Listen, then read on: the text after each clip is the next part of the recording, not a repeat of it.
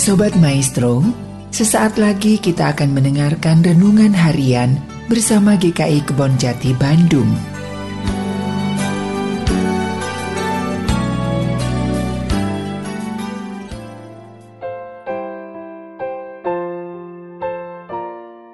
Shalom Bapak Ibu dan Saudara-saudari yang terkasih di dalam Tuhan Yesus Kristus Tema hari ini adalah Master or Mrs.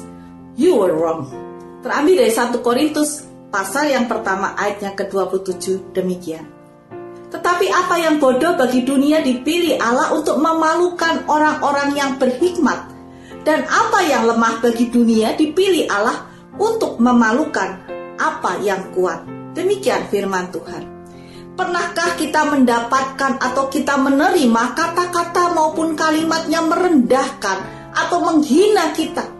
Dan apa rata-rata respon kita?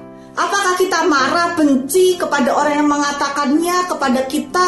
Kita tidak mau kenal lagi dengan orang tersebut, kita menghindari orang tersebut, kita blok nomor HP-nya atau ada hal lain yang bisa kita lakukan ketika kita mengalami hal yang demikian.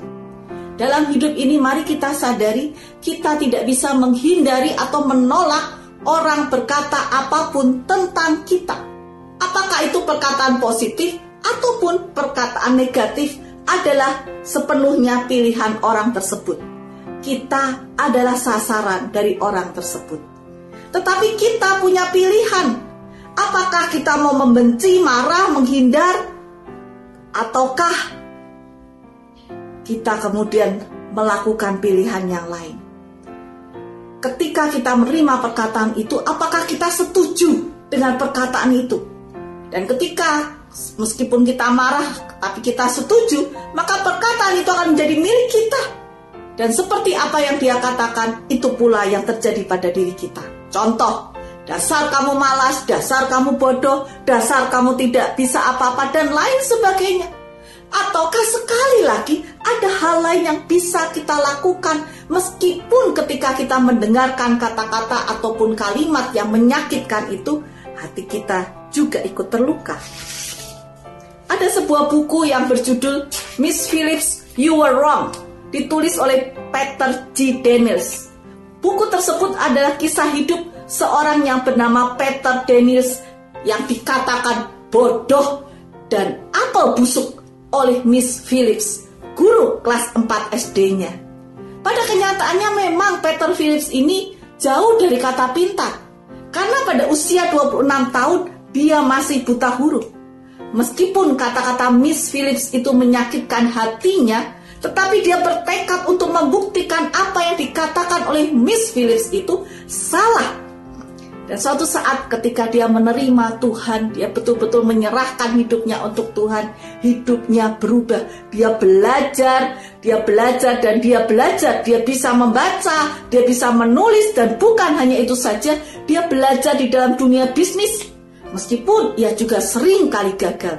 Tetapi Peter Dennis ini tidak pernah menyerah sampai akhirnya ia berhasil membangun bisnis real estate terbesar di Australia dan di Asia Tenggara bahkan namanya pernah tercatat sebagai salah seorang yang terkaya di Australia. Ayat firman Tuhan katakan, apa yang bodoh bagi dunia dipilih Allah untuk memalukan orang yang berhikmat. Dan apa yang lemah bagi dunia dipilih untuk memalukan apa yang kuat. Dan itulah yang terjadi pada diri Peter Dennis. Demikian pula dengan kita semua kita semua pasti memiliki latar belakang hidup yang pernah menerima kata-kata negatif.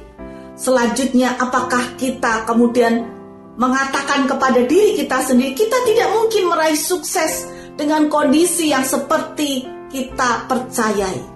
Ataukah kita berkata, meskipun saya menerima kata-kata negatif itu, saya bertekad, saya membuktikan saya bisa.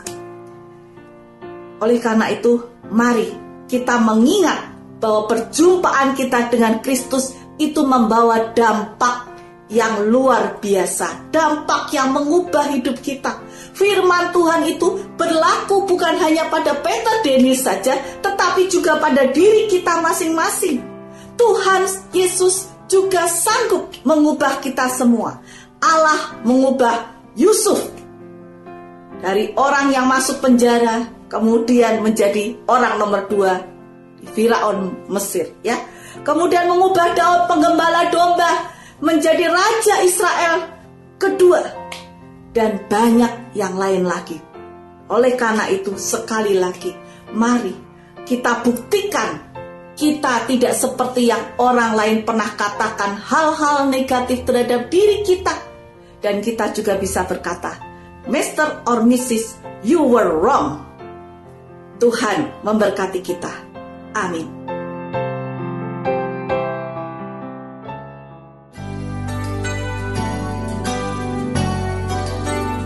Sobat Maestro, Baru saja Anda mendengarkan renungan harian bersama GKI Kebon Jati Bandung.